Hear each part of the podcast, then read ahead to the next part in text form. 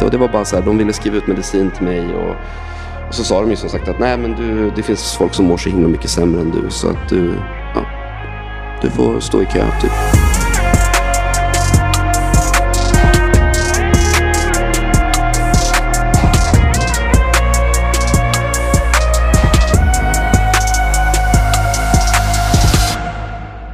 Jajamän, då vill jag önska alla fantastiska lyssnare där ute varmt välkomna till ännu ett avsnitt av En beroendepodd. En podcast som jag, Nemo Hedén, gör tillsammans med The House Rehab. Och det här är faktiskt Sveriges största podd om beroende och medberoende. Och vi är så stolta och tacksamma över det. Och den här podden startades en gång i tiden för att försöka hjälpa människor där ute. Det är ju så många människor där ute som lider, antingen i sjukdomen själva eller runt omkring den. Så det finns mycket jobb att göra. Och det finns mycket fördomar, missförstånd, myter och allt sånt där. Och så mycket skam och skuld. Och kan vi bidra till en förbättring inom allt det här. Här i podden så är vi så glada och ja, det känns som att vi ändå gör lite skillnad och det är vi väldigt, väldigt glada över. Ja, ni får jättegärna följa oss på Instagram. Där heter vi kort och gott en beroendepodd och dit kan ni skicka önskemål på teman och gäster och allt sånt där. Och och ehm, ja, jag ska inte snacka så mycket mer än så om det. Vi ska plocka in veckans gäst och eh, han är en kille som verkar i en värld som jag inte är så himla inne i. Men det är också det som gör det lite spännande. Jag vet att han är en, en riktig... Eh, ja, han har varit där länge, så han är en veteran inom sitt skrå, får man säga. Eh, och jag kom i kontakt med honom genom en tidigare gäst i den här podden. Och det ska vi snacka om. Eh, det finns ingen tid att spilla. Vi plockar in honom. Välkommen hit, Joakim Kvist. Tack snälla. Hej. Tack. Hej. Hur mår du? Jo men jag mår bra tack. Jag är lite så här småallergisk men annars är det bra. Så att, eh, jag vet inte, om rösten låter lite så här så är det därför. Ja. Ja, jo, men jag, jag snokade upp dig på Instagram genom... Eh, jag tror jag såg någon kommentar du hade gjort hos någon... Eller hos Lisette. Ja. Eh, precis. Och hon har- var, ju med här för ja, ett halvår sedan drygt. Och, eh, jag tror, och då gick jag in på dig och då såg jag så här, mm, mhm, nykterhet. Då, min, min radar och Ja, så här, ja, ja. var tvungen att utforska lite. Och hur känner du Lisette? Vi har lärt känna varandra genom, vi har båda hållit på med liksom YouTube. Eh, så att vi lärde känna varandra på den vägen. Eh, jag jobbade på ett eh, YouTube-nätverk då som hon var signad till. Och så vi, ja, vi träffades därigenom. Ja. Och det är just YouTube och den världen som jag eh, hintade lite om Ja. inled, inledningsvis att jag inte var så bevandrad i. Nej, nej, nej. Men, men jag vet ju eh, genom Lisette att du är verkligen en veteran. ja, Typ först i Sverige. Alltså jag var en av de första. Det var ju liksom lite första gänget var ju typ så här Gina Dirawi, William Spets och sådär. Men sen var vi ju ett gäng som började lite efter. Det var Clara Henry, det var jag, det var liksom, vi var några stycken. Så att jag, det var runt 2012 som jag började med YouTube.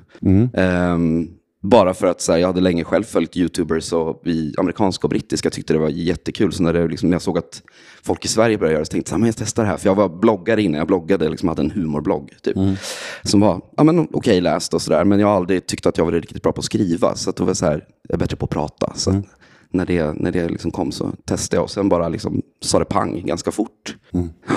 Varför heter du Heja internet på Instagram? Alltså det här är typ den vanligaste frågan jag fått genom åren. Alltså det var så här, det var ett uttryck som jag använde mig av jättemycket förut. För att så här, jag har alltid älskat liksom, internet. Jag har ju, växte ju upp, alltså, det, internet kom ju när jag var typ tio. Um, och alltid älskat internet och tyckte att det var så himla bra. Så att, ja, men det kunde vara så någon sa så här, till exempel, ah, men jag träffade min man genom Lunarstorm. Eller du vet, då var jag så här, ah, heja internet brukade jag säga. Då. Så, ah, fan vad bra. Eh, och sen då när jag skulle byta namn på Twitter var det så bara, "Ah, vad ska jag heta då? Så jag bara, heja internet. Och då var det folk som bara, fan vilket bra namn. Så, här. ja, så det är på den vägen, det finns liksom ingen djupare mening än så. Sen har det bara hängt kvar egentligen. Ja. Du, eh, jag vet ju om att du har varit eh, nykter ett drygt år och du fyllde 40 nyss. ja, i förrgår. Ja, grattis, det finns mycket att fira. Ja, alltså. det gör det verkligen. Ja, och, det, och hur ska man fira sådana här stora händelser om inte att gästa den här podden? Exakt, Ja. ja. verkligen. Perfekt ju. Mm. Men nu ska vi nog göra något som du kanske inte har gjort så mycket eh, förut. Jag tänker att vi ska prata lite, mm, vi ska göra en liten live story här, en riktig, en djup intervju om eh, ditt liv och din historia kopplat då till eh, alkoholen. Mm. Och eh, hur den har påverkat dig och bakgrunden och, och så här. Och, och, em, hur känner du inför det, att, att, att prata om det? Alltså det är ju... det känns viktigt, men det är läskigt. Jag har ju varit väldigt öppen på mina sociala medier om min, alltså att jag växt upp och levt med psykisk ohälsa i mitt liv. Men just det här med, min, med drickandet och alkoholen, det har ändå varit något som jag har känt alltid varit väldigt skamfyllt och inte pratat så mycket om. Um, så att, alltså det, känns, det känns bra, men det känns lite läskigt. Mm. Mm. Intressant det där, att det är till och med så skambelagt att det liksom är mer skambelagt än psykisk ohälsa. Ja, verkligen. Nej, men alltså det, för det andra, jag är som en öppen bok när det kommer till allt annat. Ja. Eh, men just det här har alltid varit liksom så här, Uff, jättejobbigt att prata om. Mm, jag förstår det. Mm. Eh, men vi ska ta oss lite tillbaka. Var, vart är du ifrån? Jag är från Västerås eh, från början, så jag växte upp där eh, i en familj med fyra bröder, mamma och pappa. Eh, hade det jättebra under hela, liksom, ända fram tills jag fyllde tio ungefär. Eh, då vi hamnade i, ja men vi hade väldigt tufft ekonomiskt när jag var liten. Så då blev det liksom, det var en händelse då som, ja vi blev vräkta i huset vi bodde i, mina föräldrar liksom kraschade totalt. Ehm, så jag brukar säga det, jag hade en underbar barndom fram till tio. Men där, ehm, ja, blev det väldigt jobbigt och jag kände att jag... Ja, det blev lite att jag kände att jag behövde ta väldigt mycket ansvar från då. Så att jag brukar säga att jag blev vuxen. Jag var vuxen sedan jag var tio ungefär. Mm. Mm. Vilken eh, i syskonraden var du? Jag är bror nummer två. Då, mm. så en storbror och två yngre. Mm. Får man fråga var vad som hände? Ja, nej, men det var ju så här, mina föräldrar de gjorde som så många andra. På 80-talet var det så alla, man lånade pengar på glada 80-talet. Liksom, och sen så fixade de inte riktigt det. Nej. Så att huset blev liksom sålt på sån här exekutiv auktion. Och vi blev, var tvungna att flytta. Så då det liksom vände upp och ner på alltihopa. Sen hade vi det väldigt tufft ekonomiskt eh, under många, många år efter det också. Hur tror du den här incidenten påverkade dig? Jättemycket. Alltså det har ju påverkat mig otroligt mycket. Just för att, som jag sa, att jag kände liksom att Ja, men jag kände att jag hade ett ansvar över familjen på något sätt. Um, mina föräldrar mådde väldigt dåligt. Jag tog hand om mina småsyskon och jag var väldigt mån om att det inte skulle synas utåt. Um, uh, och det gjorde ju också att jag, jag har alltid ställt väldigt höga krav på mig själv och att allting liksom ska vara bra. Att allting ska vara att jag måste ta hand om allt och alla hela tiden. Så det har påverkat mig jättemycket skulle jag säga. Mm. Mm. Vem blev du? För att det här är ändå, du är tio år här, du får mm. bli vuxen tidigt. Mm. Vem blir du när du kliver in i tonåren? Um, nej men I början av tonåren så är jag ju ganska så, jag skulle säga att jag är ganska vilsen, för jag känner mig väldigt olik många, jag menar många jämnåriga, just för att så här, jag, jag, jag, vet inte, det kändes som att jag var en gammal själ. Jag kunde väl kanske inte sätta ord på det just då, men nu efterhand kan vi se att Um, nej, men jag var väl lite en gammal själ i en ung, ung kropp på något sätt. Um, och samtidigt så var jag väldigt sådär äh, sökande och försökte, liksom, jag menar, det är man ju när man är i den åldern. Så det blev lite krock det där, liksom, att försöka hitta, hitta sig själv i den världen, alltså i tonårsvärlden. Liksom. Um, samtidigt som jag då hade den här känslan av att jag började ta väldigt mycket ansvar. Så det blev liksom att det successivt, jag brukar säga runt när jag var 15, det var då det, var då det liksom kraschade för mig på något sätt. Att då började jag må riktigt, riktigt dåligt. Och jag blev så här, jag brukar säga, man, man kan se på mina skolfoton eh, från liksom ettan på lågstadiet till att, så här, för det här, var ju, det här hände ju när jag gick sommaren mellan trean och fyran. Så man ser liksom från trean, där ser jag liksom glad ut, man ser blick, i min blick liksom att det finns en gnista och sen ser man fyran då, när gnistan försvinner. Och sen blir det liksom bara, jag ser bara ledsnare och surare och sen när jag börjar komma upp 15-årsåldern där, då blir det svartare och svartare, det vill säga svartfärgat hår, svarta naglar, kajal då, då, blev jag, då, är liksom, då kom ilskan på något sätt. Mm. Och hur tog det sig uttryck? Det tog sig uttryck i då, liksom mitt yttre, men sen också så började, det var enda stället jag kände att jag kunde få utlopp för det, det var ju mot mina föräldrar som absolut inte förtjänade det. För att trots allt som varit så har de varit helt fantastiska liksom, och gjort det bästa de har kunnat. Men det var där, så jag blev, jag blev jätteelak mot mina föräldrar mm. um, under en period. Vad gjorde du? Nej, men jag var bara liksom taskig och började liksom, jag skyldig på dem och var så här äh, ja, men i och med att vi hade det tufft ekonomiskt och sådär så var det ju att jag, jag kanske inte kunde göra allting som alla mina vänner kunde göra och då fick de höra det liksom att så här, fan det är ert fel att det är så här och liksom Usch, jag får så här ångest bara jag tänker på det. Usch vad hemskt. Men det är så här, jag visste inte bättre. Jag liksom förlåter mig själv för det idag. Men, ja. Men jag, jag, jag, jag hör vad du säger och jag, jag, jag kan ju förstå den killen på ett sätt också. Mm. Det är det. Alltså, mm. Man har ju liksom ingen annan att gå till att, att skylla på, Nej. om man nu vill kalla det så, än sina föräldrar. För det är de som har liksom satt allt, all ja. ribban. Och det var ju ändå, man får ändå säga att det var ju de som satte dig i situationen som påverkar dig så mycket. Absolut. Så, så de har ju ett ansvar där också. Ja, ja, ja, 100%. Även om jag förstår att du liksom också känner att det kanske blev för, för mycket. Ja. Och den där balansgången tycker jag är svår och någonting som jag har brottats med själv hela livet. Alltså hur mycket ska man liksom, hur mycket ansvar ska man lägga på sina föräldrar mm. för sin barndom? Mm. Eh, För man kan ju gå runt och trampa i det där för alltid. Eller så kan man börja liksom fokusera på vad man kan förändra Ja. i vuxen ålder och då kan man liksom förändras. Det, måste, det måste man göra förr eller senare. Ja, ja, absolut. Men det är ju svårt och det, det, är liksom, det är ändå, det är ändå en balansgång där tycker jag. Mm, det är det. Nej, men du har helt rätt. Alltså, det, är ju, det är såklart, alltså, det var ju inte mitt fel att vi hamnade i det där. Och det, men det är väl det som har varit skönt också, att nu i vuxen ålder, sen vi, när vi har pratat om det, så mina föräldrar har ju tagit fullt ansvar för det. Liksom, och så här. det ehm, men absolut. Det. Mm. Då är du 15 och du blir svart i ögonen. Mm. Och eh, hur är skoltiden? Jag hade det väldigt, liksom så här, i lågstadiet var jag mobbad. Så det var ju också en, en grej mitt i allt det här också som var, liksom ledde upp till, till det här som hände. Men, men eh, ja, vem var jag?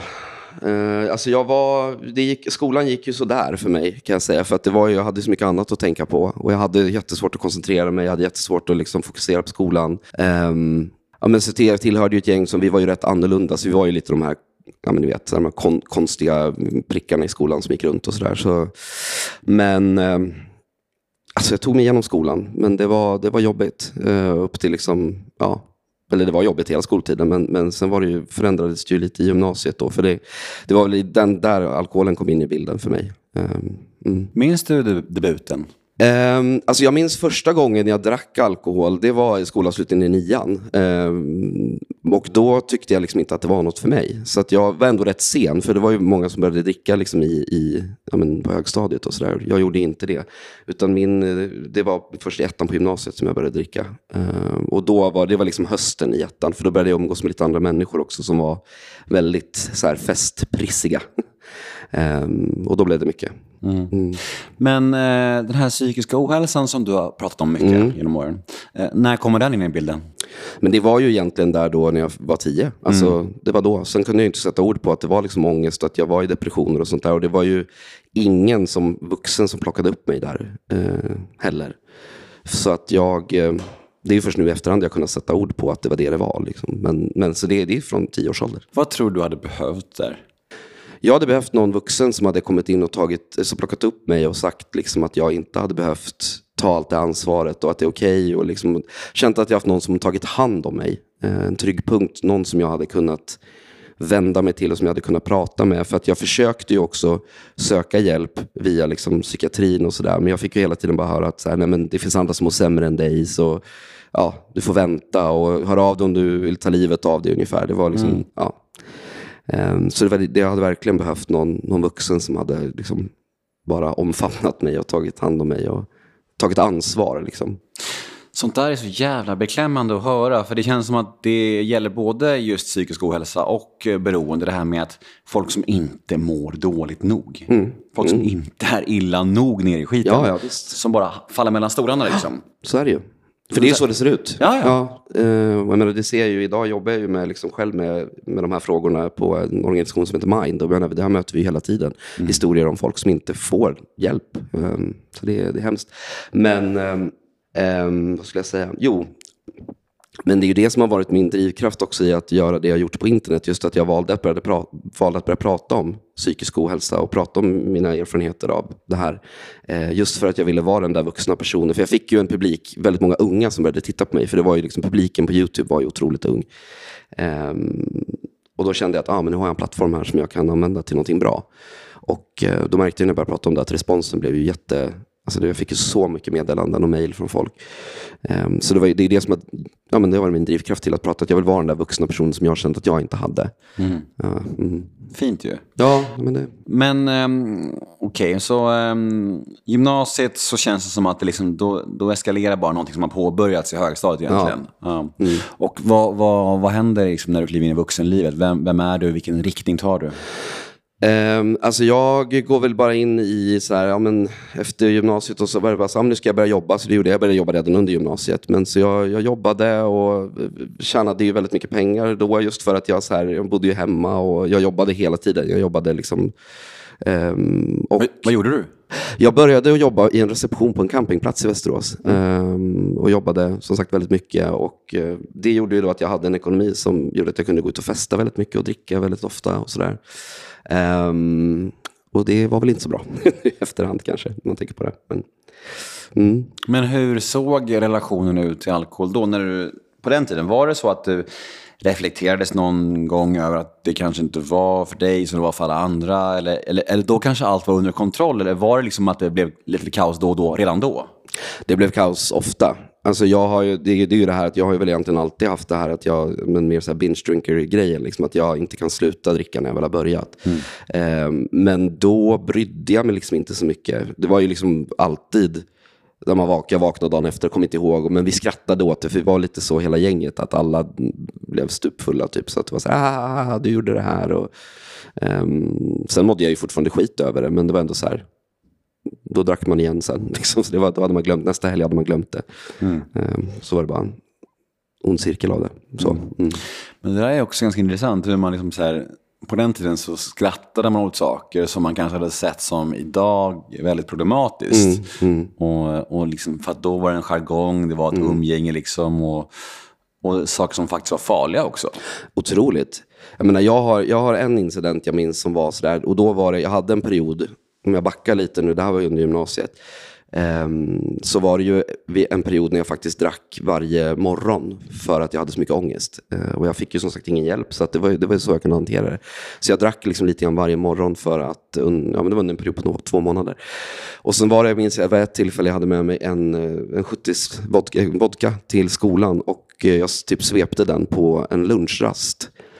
Um, sen kommer inte jag ihåg så mycket mer, men då hade jag alltså gått ner till en annan, mina kompisars gymnasieskola eh, alltså till, dit och hade gått in på deras så här, bild, de gick så här, bild och form, så vi gick in på deras bildlektion, var där och däckade sen ute i skolkorridoren där och de fick ta hem mig till en kompis och säga jag har ingen minne av det här överhuvudtaget.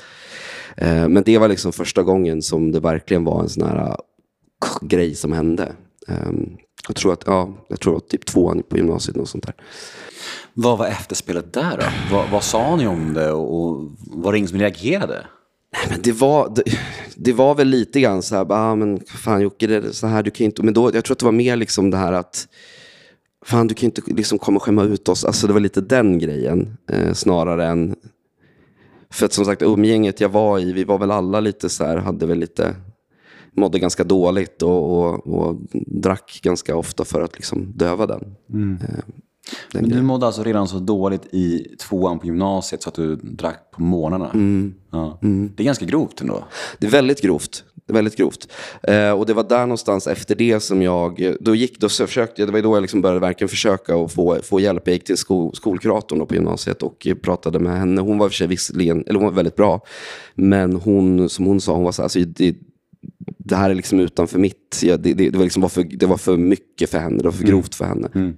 Um, och det var då jag liksom kom till, ja, blev remitterad till psykiatrin då via skolläkaren. Men då, där var det stopp sen, jag fick ingen hjälp där. Men alltså det där är så jävla sjukt. Alltså, mm. det, berätta om, om, om hur det var att möta psykiatrin. Vad, vad, vad, hur var de mötena?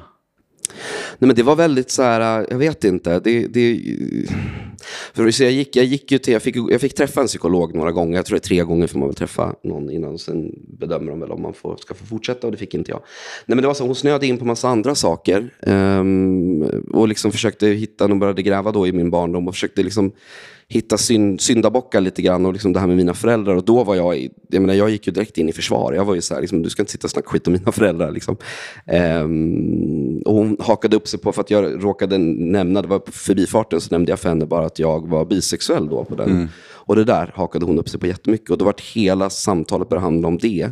Och att hon började prata om att du borde egentligen gå till en manlig psykolog för att få en manlig förebild. Och, ja, vet, vad, så här, det, var, och det, det, var inget problem för mig då. Och inte liksom, men det, det var det hon fastnade på. Så att, jag vet inte, och det var bara så här, de ville skriva ut medicin till mig. Och, och så sa de ju som sagt att nej men du, det finns folk som mår så himla mycket sämre än du. Så att du, ja, du får stå i kö typ.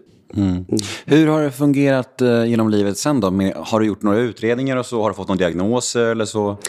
Eh, det är ju nu. Eh, faktiskt senaste, jag läste en bok eh, som heter ADHD på jobbet. Eh, som är skriven av, jag vet att Lotta har varit här och mm. gästat. Eh, som är hon och eh, Martina Nelson har skrivit. Eh, som, jag, inte, jag, jag har väl så haft lite misstankar om att jag kanske kan ha någon diagnos. Men jag, du vet, som sagt, jag har inte haft så stort förtroende för psykiatrin så jag har aldrig brytt mig om att söka för det.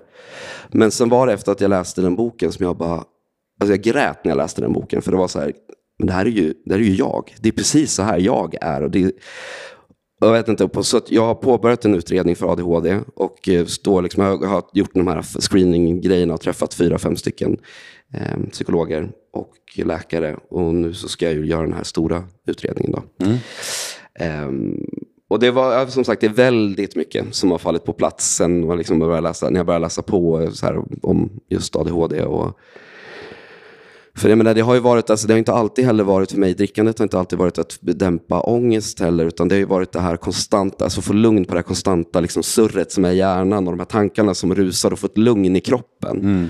Um, jo tack. Ja. ja, nej, men det är ju verkligen så. Och det här ja. som du vet själv också, som du säkert hörde i, eh, i Lotta-episoden, så mm. är ju ADHD och beroende så extremt sammankopplat. Liksom. Ja. Alltså, vi som har ADHD är ju så sårbara inför det där. Mm.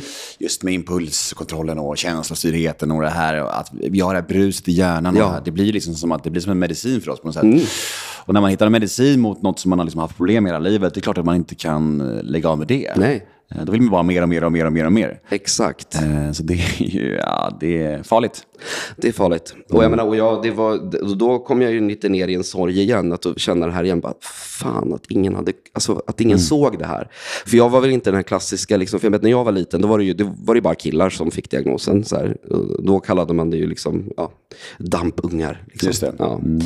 Eh, men jag var ju inte så där liksom, stissig på det sättet. Utan jag, jag stökig och bråkig. Utan jag, var väl, jag var väl väldigt energisk liksom och så, men, men eh, det pågick kanske mer i huvudet på mig. Mm. Så, så det missades ju. Men det, där kan jag liksom känna i efterhand att så här, Gud, om jag bara hade fått den här diagnosen tidigare, hur hade mitt liv kunnat se ut då? Mm. Den kan man också fastna i, ja. den, den sorgen. Mm. mm. Men ja, det har jag liksom kommit vidare ifrån nu. Då. Men ja. det, det, var jobbigt, just den insikten. Liksom. Oh, shit alltså. Mm, jag förstår det. Men du, du börjar tjäna massa pengar, du bor fortfarande hemma. Ja. Mm. Och lever rövare på krogen och så. Mm. Mm. Eh, när börjar liksom du känna att du kanske inte ska dricka och när börjar du få konsekvenser på riktigt och när börjar folk i din närhet reagera och hur ser det ut liksom? Nej men det är ju där i eh, början av vuxenlivet som jag egentligen ska säga att jag tror nog att jag innerst inne visste ganska tidigt att jag inte borde. Men det liksom fanns inget stopp på det och det var så vi umgicks. Eh, och börja få konsekvenser, det var ju jag menar, att jag kunde ju gå ut och festa och komma liksom, eh, ja, men fortfarande onykter till jobbet. Eh, lyckades maska det väldigt bra. Eh, försov mig ibland till jobbet. Eh, ja, men liksom bara sådär. Och, och sen började jag i perioder också så kunde jag bete mig ganska illa mot människor, framförallt mot människor som jag tyckte jättemycket om. Och det så här, sa och, saker till dem som jag verkligen, verkligen inte tycker. Um, så det, det, det, var väl där runt liksom, mellan 20 och ja, 19, 20, 21, liksom där redan som jag började se, se att det fick konsekvenser. Um, men jag fortsatte liksom ändå. Det var, liksom, jag vände, för det var ju mitt sätt att hantera den ångesten var ju att dricka igen. Alltså du vet, ja, du vet ju, det blir ju en ond, en ond cirkel. Mm, verkligen. Mm. Varför tror du att du känner ett behov av att, att trycka ner folk med saker som du egentligen inte kände där? Jag fick faktiskt eller jag, jag, tror att jag har svaret på det. Eh, och jag fick det svaret genom att för att några år senare sen, jag, jag hamnade verkligen i så här, ett svart hål eh, där ett tag. Där jag liksom inte umgicks med mina vänner sen heller. Och jag liksom trivdes inte på jobbet jag hade. Och bara kände så här, fy fan. Det, allt var bara mörkt. Jag såg ingen framtid för mig själv. Hur gammal var du då? Um, hur gammal var jag då? Ja, men det var runt där 21 kanske. Mm. Um, så då sökte jag mig till, jag har alltid hållit på med musik och drömt ända sedan jag var liten och sjungit. Jag drömde om att bli artist. Liksom. Så jag pluggade musik, gick musikklass, gick musikgymnasium. Ehm, så jag sökte till en folkhögskola ehm, och, flyttade mitt ut i skogen och ehm, började plugga musik. Då. Och det var där som jag eh, då var, där var det också väldigt mycket festande. Och där, det var där det liksom eskalerade det här beteendet just på fyllan. Att jag blev, jag kom aldrig ihåg det. Det var inte varje gång heller, utan, men de gånger det hände, då var jag helt så här, hade total blackout efteråt. Och så vaknade jag dagen efter och bara, ah, men det var kul igår. Och så träffar man folk och bara, alltså, du var helt vidrig. Och då var det en morgon som jag vaknade, för på den tiden så skrev jag, jag skrev mycket dagbok på min dator jag hade då på rummet. Och så vaknade jag en morgon och så såg jag att datorn var igång. Och då hade jag skrivit på natten där, jag kommer inte ihåg det här. Men då hade jag skrivit så här, ja fy fan Jocke, nu kommer du verkligen få lov att kämpa för att få tillbaks men få tillbaka deras förtroende. Vet, och så här, jag vet inte allt vad jag hade väl fått, skrev väl inte så välformulerat, men det var väl liksom kontentan av det hela. Och det var då någonstans jag började förstå att så här, aha, det, här, det känns som att det är någon slags självskadebeteende på något sätt. För att det som alltid har varit absolut viktigast för mig har varit liksom mina vänskapsrelationer och det har varit så otroligt liksom, viktigt. Och det var alltid de människorna som jag tyckte väldigt mycket om, som jag betedde mig som och inte mot dem som jag kanske inte gillade. Så att jag fattade någonstans att det här är någon slags, här, det måste vara någon slags självskadebeteende som kommer fram när jag, när jag blir sådär. Att jag liksom bara ska typ sabba mina relationer på något sätt. Jag vet mm. inte, för det var verkligen genuint så att jag sa saker som, och det här är så svårt för människor kanske att förstå, just för att man brukar säga det här, ja men det måste ju komma någonstans ifrån, men det var verkligen inte så sakerna jag sa. Jag tyckte ju verkligen inte det om de här människorna. Nej, men det är mm. intressant. För vissa människor brukar säga att ja, man, hör, man hör sanningen från fulla människor och, ja. och, och, och, barn. typ. Ja. ja. Mm. Men det behöver ju inte riktigt vara så. Nej, det, nej, nej. nej. Och jag menar, det är så här, inte, inte de där grejerna som kom fram. Så det är klart, alltså, när, man, när, man var lite, när man är lite onykter och så, så kan man väl kanske ibland så säga grejer. Mm. Men ja, man säger mer än vad man har tänkt. Men just det där elaka. För jag är verkligen i grunden inte en elak människa. Det är det. Jag blev verkligen totalt personlighetsförändrad. Nej, men det där är alltså... Just det här med när man beter sig illa i vänskapsrelationer eller man kanske förstör tvångsmässigt en kärleksrelation. Mm. Jag brukar fundera på det, vad det beror på. Jag, det finns någon filmcitat som lyder så här, ja, men, we accept the love we think we deserve. Mm. Att man liksom så här förstör saker för att man kanske inte känner att man förtjänar det. Mm. det kanske ligger något här i det också, tänker jag. 100 procent. Oh ja, det är ju verkligen, jag har ju aldrig prioriterat mig själv, aldrig tyckt att jag förtjänar någonting bra i princip. Eller liksom aldrig, men ja, sen långt tillbaka. Um, så det tror jag absolut att du har rätt i. Mm. Så uh, det har ju ändå dröjt typ 15 år efter det här, tills du faktiskt blir nykter på riktigt. Mm. Mm. Det tog ett tag. Det tog ett tag. Och jag har ju haft lite perioder, så här, nyktra perioder och ja. så. Men, men, och sen gått tillbaka till att dricka igen. Och så har det liksom varit så här, det har gått bra när jag börjat. Och jag var så här, nu ska jag sätta gränser för mig själv. Och jag ska bara dricka tre enheter och vet, ja, den vanliga gamla. Och sen, sen, bry, bry, byta spritsort, ja. byta umgänge, byta plats. Ja, ska bara dricka öl. Ja. Mm. Nej, men du vet, och sen, men sen, kom, sen, sen kommer det alltid till en period när jag mår sämre och då, då tappar jag kontrollen över det. Um, men uh, ja, jag kom väl till en punkt där jag bara kände att så här, nej, fan, nu får det vara nog. Alltså, jag pallar inte. Jag orkar inte.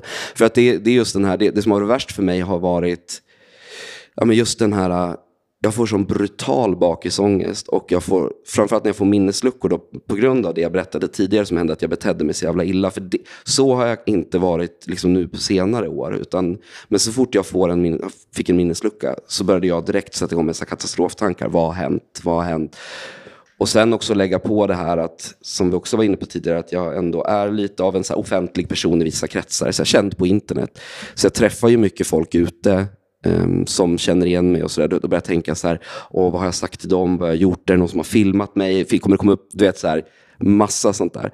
Um, så det är det som har varit det, värsta, det absolut värsta för mig. Just att så här, de här, de här, de här katastroftankarna som har kommit dagen efter. Mm. Um, Kom du i kontakt med någon vettigare psykiatri där genom åren? Alltså? För du pratar om det här att ditt verkliga svarta hål mm. började när du var runt 25 där. Mm. Då hade du en period där liksom, ja, tog mörkt. Mm. Hur kom du upp ur den perioden?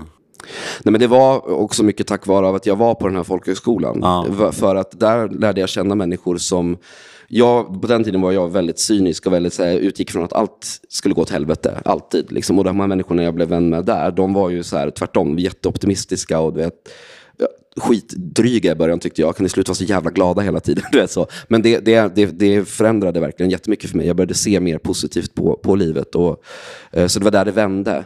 Men jag kom, det var under pandemin faktiskt som jag kom i kontakt med en, eh, en kurator på vårdcentralen. För jag, det var så att jag bodde här i Stockholm, men har också så gått in i väggen två gånger, i, alltså, fått utmattningssyndrom två gånger i mitt liv. Och var på väg in igen en tredje gång när jag var 2019. Och jag hade så här jättemycket strul med Försäkringskassan tidigare när jag hade varit sjukskriven. Så jag var så här, vad fan, jag pallar inte ge mig in i det där. Då var det mina föräldrar som sa, men Jocke, bara flytt. För, så här, för jag var så här, jag vill säga upp mig, jag, vill inte, jag orkar inte längre.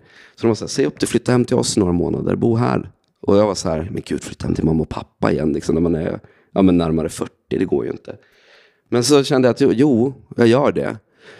Um, och då var tanken att jag skulle vara där i ett par månader bara. Men sen kom ju corona, pandemin. Jag blev själv sjuk, var sjuk i några månader. Så jag blev kvar där i två år i Västerås. Och jobbade inte och ingenting. Och under den tiden så började jag gå på vårdcentralen i Västerås. Började träffa en kurator. Och det var första gången jag träffade någon som faktiskt här, lyssnade och fattade vad det var jag behövde. Och pushade mig på liksom det sättet jag behövde bli pushad. Frågasatte mig på det sättet som jag behövde bli ifrågasatt.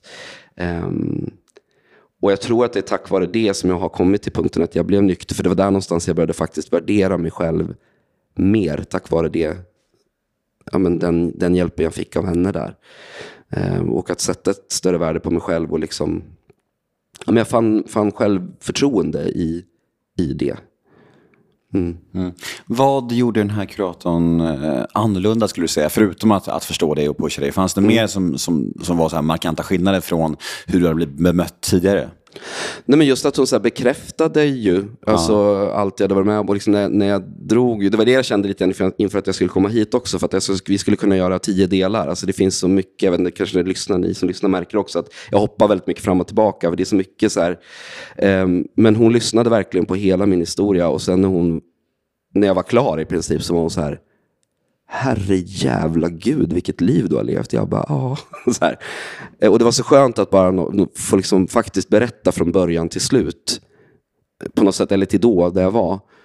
Um, men sen också var det det att hon började, hon verkligen, she called me out on my bullshit. Liksom, att hon mm. var sådär och ifrågasatt saker. Och bara, det här låter ju som ett inövat svar och det här är någonting som du bara, det här, det här är någonting som du har bestämt att det är som, men så här är det ju inte. Och också så här, hon ifrågasatte just det här med att hon, jag, så, jag var aldrig, blev aldrig arg förut. Hon bara, det låter ju jätteohälsosamt.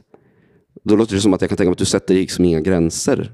Du vet, och jag bara så här, nej. Mm. Så det var mycket det som hjälpte mig att börja sätta gränser och säga ifrån och, och ta, ge mig själv utrymme på något sätt som jag inte har gjort förut. Jag har alltid liksom varit på bekostnad av mig. Jag har hjälpt, funnits där för alla andra och alltid velat göra det. Men det har ju blivit att jag inte har tagit hand om mig själv och lagt något fokus på mig själv. Mm. Mm. Du berättade lite att under dina unga år så var det ju, ehm, det blev svårare att se dina problem för att du umgicks med likasinnade. Mm. Och det blev liksom, då blir det mer som en jargong och, mm. och ett häng än att du stack ut. Men jag tänker sen eh, när du blev äldre och så, så antar jag att umgängen ändå liksom blev lite mer varierade och omväxlande. Och då måste det ändå kanske ha varit folk som reagerade på att du kanske, dina fyllor var lite mer kaotiska. Mm. Var det folk i din omgivning som sa ifrån Eh, under de här åren och, och reagerade och, och, och, men försökte sträcka ut en hand och så? Eller hur upplevde du det? Ja, jag hade ju lite så dubbelt umgänge. För att när jag, när, i, i och med att jag var ju ganska mycket äldre än de andra som, började, som höll på med YouTube och sociala medier på den tiden. Eh, vilket gjorde att ja, vi blev ju väldigt tajta, väldigt, i och med att vi gick igenom den här sjuka resan att bli, som jag sa, offentliga personer. För det var en period när det var så här, ja, men vi kunde typ inte riktigt gå på stan för vi blev jagade av, ung, av kids. Och, liksom så här. Eh, och då blev det att jag umgicks väldigt mycket med de personerna. Eh, och för dem, vi, vi fattade varandra på något sätt. Och de var ju då ungefär tio år yngre än vad jag var. Eh, vilket gjorde att då blev det att jag festade otroligt mycket med dem. Och för de var ju liksom i den perioden, de var ute och festade. Sen hade jag mina vänner som var i min ålder. Det var de som reagerade mer kanske och var så här, uh, hörru. Men jag tror också att, alltså jag, jag tror att det var svårt för dem. Uh, att, att, och jag, tror, jag vet inte, jag har också tänkt på det här efteråt, så här, nu när jag har varit nykter ett tag, just att så här, jag, jag, var nog kanske lite manipulativ också. Uh, och inte riktigt så här, berättade allt för dem, hur det var. Och så i och med att jag festade ju inte på det här sättet med dem. Utan det var ju med, med de här andra människorna som kanske var lite yngre mm. än vad jag var. Mm. Mm. Vad var det som var annorlunda sen då? För att du berättar ju om att du ändå har haft nyktra perioder och gjort så här, halvdana försök. Mm. Halvmesyrer, mm. som vi snackar om i tolvstegsvärlden. Mm. Eh, men vad var det som var annorlunda sen när det faktiskt blev på riktigt då? Att jag bestämde mig för att bli nykter menar mm. mm. Nej men det var faktiskt, för att jag började jobba för ungefär, ja, snart två år sedan på, på Mind som jag berättade, organisationen mm. som driver självmordslinjer bland annat. Och jag älskar det jobbet. Det är, jag jobbar, jag har ansvar för sociala medier och så där. Och, eh, jag får kombinera min hjärtefråga som handlar om psykisk hälsa och liksom suicidprevention med det jag kan med sociala medier. Eh, och då var det faktiskt några kollegor till mig som hade pratat med chefen och sagt att de var lite oroliga för mitt drickande. Um, för att jag ja, men, kunde liksom var bakis ibland på jobbet och sådär. Och, och jag märkte liksom hur det började eskalera. Så det, det var där någonstans det började. Att det sådde ett frö i mig att så här, shit, nu börjar det gå ut över det här som är... För det, det, liksom det här jobbet som jag har här, det är det första jobbet jag har haft som jag verkligen så här 100% älskar och som jag absolut inte vill liksom förlora. Men så var det just det som hände. Att det var, jag hade, vi skulle ta en AV, jag och en, och en kollega. Och det var så här tidig eftermiddag och vi bara, ah, men, båda var skittrötta egentligen. Men vi bara, fan, vi, tar, vi går och tar ett par bärs. Liksom. Det var liksom tre, fyra på eftermiddagen. Och så den här, klipp till, klockan är två, jag blir ombedd av vakten att gå därifrån. Min telefon är borta ja, hittar på den till slut. Men så här, vakna dagen efter, grisbakis, alltså jävla mycket ångest. Um, och liksom klarar inte av att jobba. Och då, det var liksom så här, jag bara, alltså Jocke, det här går inte längre. Du kan inte. Alltså, du, du, kommer, du kommer förlora allt. Du kommer förlora det här jobbet som du älskar. Du kommer förlora, ja men liksom, det var bara så här, nu är det nog. Mm. Ja. Hur bemötte du att folk hade eh, pratat om dig och mm. uttryckt en oro för dig. Kunde du bemöta det på ett, på ett förstående sätt och uppskattande sätt eller var det liksom taggarna utåt? Nej, men jag, nej ja, det var uppskattande men jag blev ju, alltså det var ju jätte, jättejobbigt inom mig. Mm. Liksom så. Men, men, men jag förstod ju någonstans var det kom ifrån och så, men det var jättejobbigt. Nej, men jag var... Men, men som sagt, när det kom, det var inte som att jag det var inte så att jag slutade direkt då, utan det var ju liksom, då var det bara så okej okay, nu måste jag bli lite mer försiktig. Det var ju liksom det första som hände. Mm. Men, men, ja. Och hur gick det då? Ja, det gick väl bra först, men sen som sagt, det, det, det, det, går, det funkar ju inte i längden. Föresvävade dig aldrig att liksom så här, kanske söka någon professionell hjälp? Eller, eller, eller, eller hade du liksom en, en nidbild av en alkoholist som något helt annat? Nej, alltså det hade jag väl inte. Men, men, men jag, jag, tror att det ligger kvar det här i mig, just att jag har varit så, så van vid att klara mig själv mm. hela tiden. Så att, eh, det, det liksom blev inte riktigt så. Um, så nej, det, eller jag tänkte ju tanken, men så var det så här, ah, gå på A-möten. Men så här, jag vet, det, blev, det blev liksom inte riktigt heller att jag kände att och jag vet inte vad jag var rädd för egentligen. Där, men jag, jag kände, det kändes läskigt att gå dit. Och jag kanske hade en bild av också att så här, men tänk om det är någon där som känner igen mig. Och liksom, jag vet inte. Så det, nej, det blev inte att jag gjorde det faktiskt. Mm. Kanske mycket skamkänslor också? Tänk. Ja, men verkligen som jag sa, att det här är ju någonting som jag har haft jättesvårt att prata om. Mm. Um, ja. Hur bemöttes du sen på jobbet när du faktiskt gjorde det på, på allvar? Jag har fått så mycket pepp och stöd och um, Nej, men det, det har varit jättefint och alla runt omkring mig har ju verkligen Ja, men varit, men jag tror i och för sig så här, i början så var väl, framförallt mina vänner var väl lite så ja men det är bra, mm, du vet så här, vi kör igen då. Uh, men jag visste inom mig, jag vet inte vad det var den här gången, men jag, jag visste så här, att det här, den här gången är det på riktigt. För jag tror att det var verkligen mm. den där insikten av att nu står det verkligen någonting som är så otroligt viktigt för dig på spel. Mm. Um, men de, det, jag har haft jätte, jättebra stöd. Uh, så. Var det självklart för dig att vara öppen med det direkt? För jag vet ju att du på din Instagram har lagt upp så här, en månad, mm. två mm. månader, tre månader mm. som en slags så här, jubileum. Och ja. Kanske fira dig själv lite och få lite extra pepp. Och, och, men också kanske försöka motarbeta den här skammen och skulden och tabun som råder så extremt ute i samhället. Mm. Var det både och, eller, tänker jag? Det var många olika saker, ska jag säga. För det var, det var just att så här, jag ville visa på Eh, jag, jag, sökte mig själv till internet till många så här, um, ja, men, Youtube-videos och Instagram-konton och sånt som, som pratade om det här. Men det jag hittade var väldigt mycket människor som var så här, ja, men nu har jag varit nykter i ett år, nu har jag varit nykter i två år, tre år. Och då kände jag så här, fan jag skulle vilja se någonting där det är någon som pratar om, som gör det i nutid. Um, och samt, så det, det, var det. Då tänkte jag så här, det hade jag velat ha. Och då tänkte jag så här, ska jag göra det? Uh, skitläskigt. Um, men två så var det också just därför att jag kände så att jag känner att det här är på riktigt den här gången, men jag behövde nästan den sporren. Liksom, att nu, jag måste berätta om det här, så jag inte kan falla tillbaka. Eh, men sen också tredje, att det, det, känns fint att fira det och jag får ju så otroligt fin respons. Eh, och ja, Så det, det, har varit alla de, alla de orsakerna till att jag gjort det. Eh, och det har gått så fort. Det har gått så jäkla fort. Jag kände, tänkte på det häromdagen, för det är 11 månader här nu. Mm. Ja, övermorgon är det 11 månader. Jag bara kände, det var ju nyss jag la ut ett sånt där inlägg där det var så här, ah, två månader, tjoho! Um, nej, alltså det känns skitbra. Var Lisette, eh, hon var lite framför dig va? Hur länge har hon varit nykter? Hon har ju varit nykter i, jag tror att det är typ så här 19 månader, alltså ett och ett halvt år, lite mer än något sånt där. Jo, men hon var lite före mig. Eh, och det inspirerade mig absolut. Och jag pratar jättemycket med Lisette. Vi, vi har ju liksom kontakt och så, så det har varit hjälpt, hjälpt, vi har hjälpt varandra mycket i det. Det som är lite roligt är att jag hade en period när jag, tidigare när jag var ganska öppen, när jag hade en nykter period och berättade, och då hörde hon av sig till mig. Och hon blev inspirerad och taggad på att börja. Så att då fick jag henne att testa på nyktra livet. Sen åkte vi dit båda två. Att vi men, men eh, ja, Nej, men det, det, Lisettes resa har varit väldigt, och framförallt också i och med att hon, hon har också gått igenom en, och fått en ADHD-diagnos i vuxen ålder. Så att det, det är mycket i hennes historia som jag känner igen mig i. Så att det har varit väldigt skönt att, att ha en person som, och, och att vi har en bakgrund som YouTubers, influencers båda två. Så jag har kunnat dela mycket i det här. Vad har du haft för fördomar om nykterheten innan du faktiskt blev nykter på riktigt? Nej, men det har väl varit just den här klassiken, just att ja, men det, jag, jag kommer, det kommer vara så tråkigt och, och festa och det kommer vara så. Och, och jag, jag ska inte säga att jag tycker att det är tråkigt att festa, men det är, andra, jag har inte samma intresse av att festa längre som jag hade då. För det var ju nog inte själva festen i sig som var, utan det var ju att det var ett tillfälle att få dricka. Ehm, men sen har ju också många, en del av mina fördomar har ju blivit besannade också. Just att jag tänkte att man blir väldigt ensam och det har jag varit. Eh, Men det har varit okej. Just i och med att man, i början så ville jag ju inte vara i sammanhang där det var alkohol. Eh, Så då blev det ju att på helgerna jag satt ju hemma jättemycket och följde inte med på AVs och så.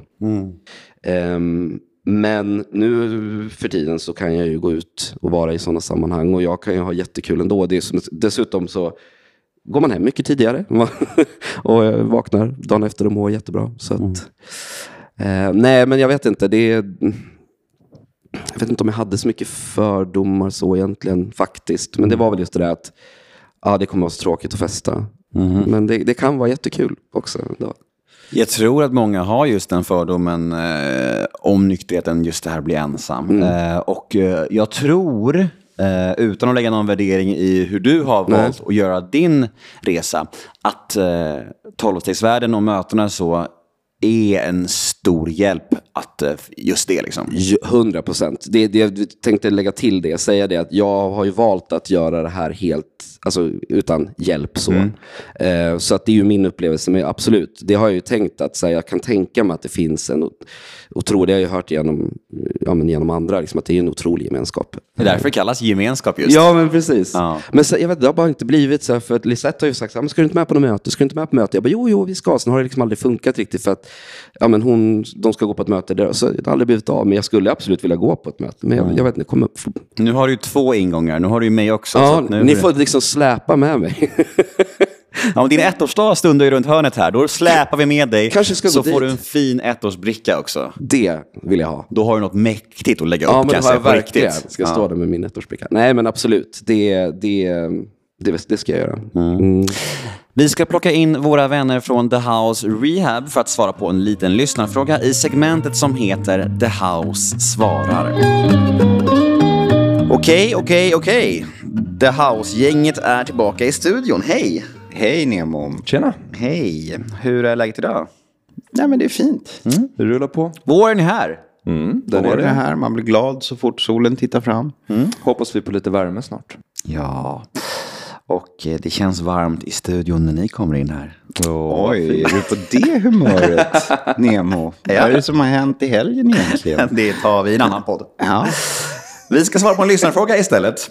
mm, okej. Och eh, veckans fråga lyder så här. I min gemenskap är det många som säger att Gud är den enda vägen till tillfrisknande. Är det verkligen så? Nej, absolut inte. Ehm, och mm, det är lite synd när man uttrycker sig sådär. Det finns ju väldigt mycket ehm, fördomar och fel idéer om vad gemenskapen är. Att det skulle vara en religiös grupp. Kristet eh, eller på kristet något- något eller tillhöra någon, eller vara någon form av sekt. Och det är ju precis eh, det här, eh, när man uttrycker sig så här, som, som skapar den typen av, av felaktiga idéer. De skrämmer människor. Ja, de skrämmer Verkligen. människor. Och, eh, det var den starkaste anledningen till att jag hade svårt att gå in i tolvstegsgemenskapen. För att jag trodde att, att jag var tvungen att börja tro på Gud. Eh, och jag trodde att jag var tvungen att börja tro på en religiös Gud. Och om vi ska vara helt ärliga så är det, det är den starkaste anledningen till att nästan alla ryggar tillbaka för tolvstegsmöten. Ja, absolut. Och folk lämnar och kommer inte tillbaks. Så det är viktigt att veta om då att, att A, C, A, N, A och alla olika bokstavskombinationer, de tillhör inget samfund, tillhör ingen kyrka, tillhör ingen, någon form av organisation eh, på något sätt, utan man är fri att tro på det man själv vill. Eh, och det här är ganska viktigt. Hos oss har vi tagit bort allt det här med Gud. Eh, och där vi menar på att, att ingen checkar in på behandling för att hitta Gud. Eh, det får man jättegärna göra på eget bevåg. Men, men hos oss talar vi om vad säger forskningen. Ehm, och vi tittar snarare på eh, mental träning, vilket det finns mycket evidens kring. Eh, och här menar ju vi att, att bön och mental träning är ju väldigt, väldigt lika. Ja, absolut.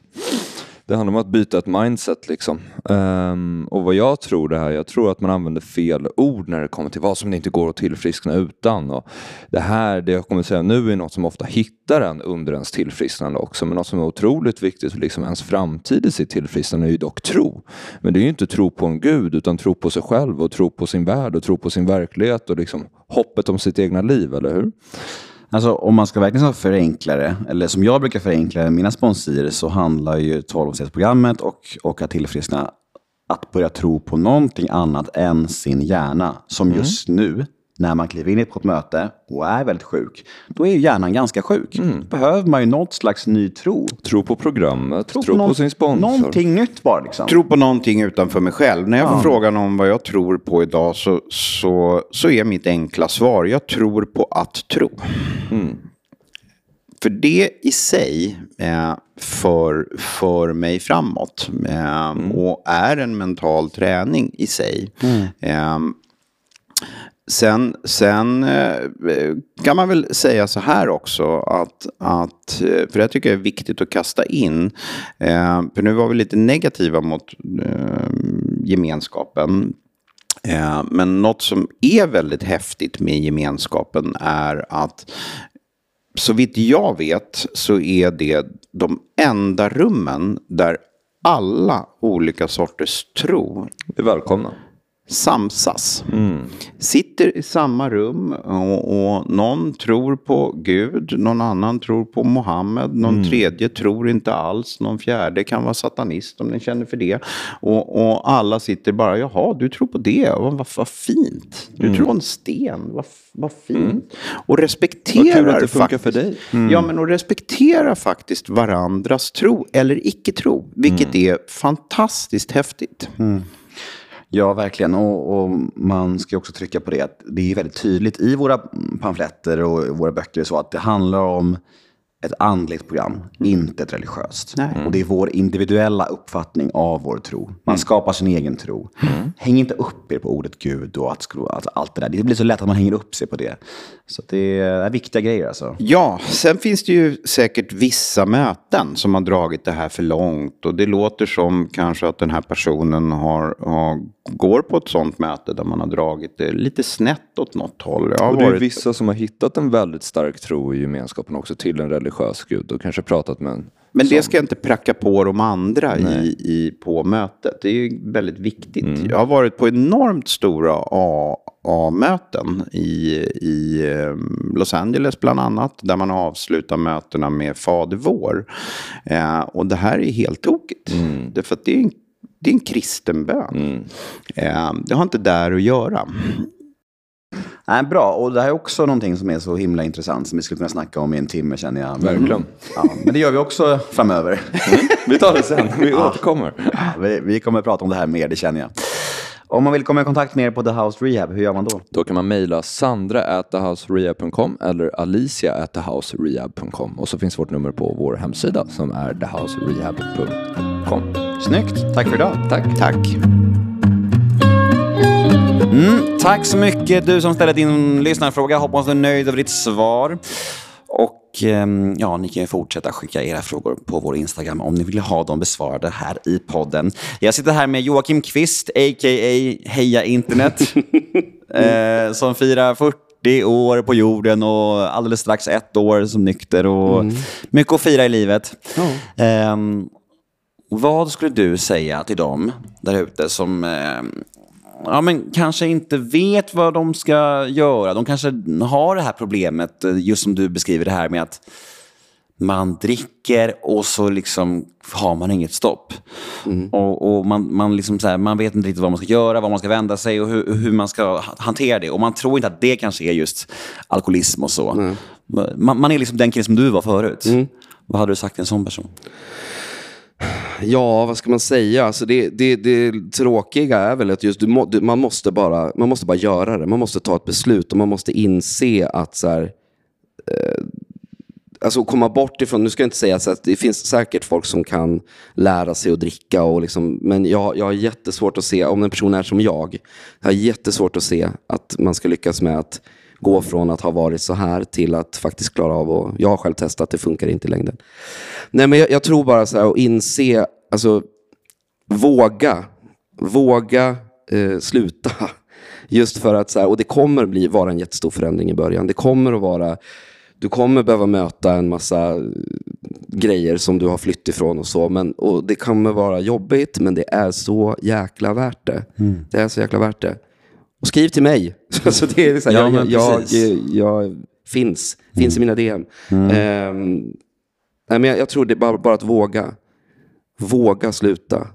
Men just det här som du är inne på, som vi har snackat mycket om, det här då med att eh, inte kunna sluta när man väl börjat.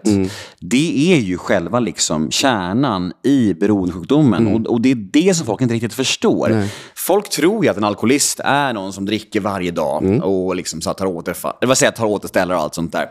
Men fa- faktum är att det mycket mer handlar om just det här. Att har du någon kontroll över den mängd du konsumerar när du väl har börjat? Det är det som är kärnan. Och de flesta va- vanliga människor idag har det.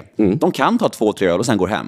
Medan du och jag, om vi tar två, tre öl, då kommer vi ta 200 öl. Ja. Och liksom, ja, men, förstöra allt i vårt liv. Liksom. Och det är det som är själva grejen. Och sen så kanske det går några veckor, man lovar sig själv att inte göra om det. Och sen kommer ett tillfälle, okej, en öl, vilken bra idé. Och så gör man om det igen. Ja. Det är det som är själva alkoholismen, inte att dricka varje dag. Och så här. Och jag, jag, liksom, jag har sagt det här i podden förut och jag vill liksom bara banka in det i folks huvuden. För att det, liksom, man kan vara en alkoholist och dricka en gång i månaden. Fast det, det går åt helvete när man väl dricker. Ja. De är lika mycket alkoholister som Leffe på parkbänken. Ja. Skillnaden är att, att han på parkbänken, där har det liksom gått längre i sjukdomen. Mm. Det är enda skillnaden. Men folk tror ju inte det. Bara, "Nej, men jag har varit nykter några veckor, jag kan inte vara alkoholist. Okej, men vad händer när du väl dricker då? Det är det. Vad händer då? Vad är det som händer? Ja. Ja, men det, du har helt rätt, det är exakt det. Och jag tror att det är den insikten man måste komma till också. Ja. Det, det, det är en resa. Men jag, menar, jag, jag tror att så här, känner, känner du själv att du liksom, ens liksom misstänker att det kan vara så att du har problem med det här, då är det nog antagligen så skulle jag säga. Exakt. Eh, liksom, eller då är det väl så. Det är, Men precis, för att en vanlig människa som har kontroll över sitt drickande och och har- en sund relation till alkohol, en sån person skulle aldrig ens behöva reflektera Nej. över Nej. sitt drickande. Nej. Det är det. Nej. Så har man väl ens börjat tänka så här, "Uff, det kanske dricker för mycket, det går snett ibland. Mm. Då är du liksom illa ute, skulle jag säga. Det låter kanske hårt. Men det är så. Men det är så. Ja, det är så. Ja. Och det, det är något som är ganska intressant som jag märkt nu i nykterheten, nu när jag träffar folk. Och, ja, men så här, man blir ju såklart, när, man, när jag när jag är ute nu, så om det är folk, folk undrar ju varför man inte dricker och sådär. Och, så. eh, och jag berättar att jag är nykter för att, och, för att jag har liksom problem. Eh, och då jag visste, eller det var jag inte beredd på, att det skulle vara så triggande för folk. Eller så just att direkt så är det många, inte många, men liksom en del människor man träffar som vill då börja förklara sig och bara, ah, ja, men jag, ja, egentligen kanske jag också borde, och du vet, så här, ah, och öppnar upp sig och börjar prata. Eh, vilket är fint, men det, det, det, jag var, det trodde jag faktiskt inte att det Nej. skulle vara så. Jag vet inte, känner du igen det också? Verkligen. Ja. Och, och jag tänker att alltså när man berättar om att man är nykter till någon, då säger reaktionen så otroligt mycket. ja. Alltså en, en människa som har en sund relation till alkohol brukar typ knappt bry sig. Nej. De, de säger på sin höjd så här, ja men vad bra, Ja, good, good, good for Ja, you. Ja, kul. och sen inget mer. Nej, nej. Medan en människa som har kanske lite problematisk relation till Mm. alkohol, de är mer så här, ja men defensiva, ska förklara sig, lite obekväma och så här. Ja. Mm. Och det blir, det blir så talande på något sätt. Och det slår liksom aldrig fel. Eh, Så, jo, så jo, jag upplever det hela tiden. Mm. Eh, ja, vad intressant. Du, ehm, vad skulle du säga är de största skillnaderna? Nu när du lever nykter och har varit det ja, i princip ett år. Vad, Mm. vad, vilka gåvor har du fått i nykterheten? För det första så är jag för det mesta ganska ångestfri, eh, vilket jag inte har varit sedan jag var barn i princip, eh, vilket är helt fantastiskt. Eh, Det, jag är mycket mer klartänkt, jag har fått mycket bättre självförtroende, mycket bättre självkänsla. Um, jag är bättre på jobbet, jag är en bättre vän, jag är, alltså allt, allt är bättre. Um, det har liksom på något sätt jag vet inte vad, vad det beror på, men det, eller jag är ganska säker på att det är kopplat till det. Men det känns som att så här, jag har haft mycket motgångar i livet, men nu börjar det kännas som att mer och mer går min väg. Och vilket är så här, såklart, för att jag saboterar inte för mig själv och jag mår mycket bättre. Jag utstrålar säkert en helt annan energi än vad jag gjorde förut.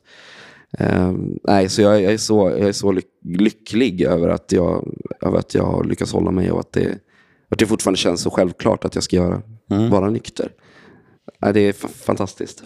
Så fint att höra och så fint att du ville komma förbi och eh, berätta din story. Tack snälla för att jag fick komma hit. Det känns jättefint. Mm, härligt. Och eh, ja, till alla er som lyssnar, ni får jättegärna mm, gå in och slänga iväg ett betyg och en recension på vår podd, vart ni än lyssnar på den, iTunes eller vart det nu är. Det skulle vi uppskatta.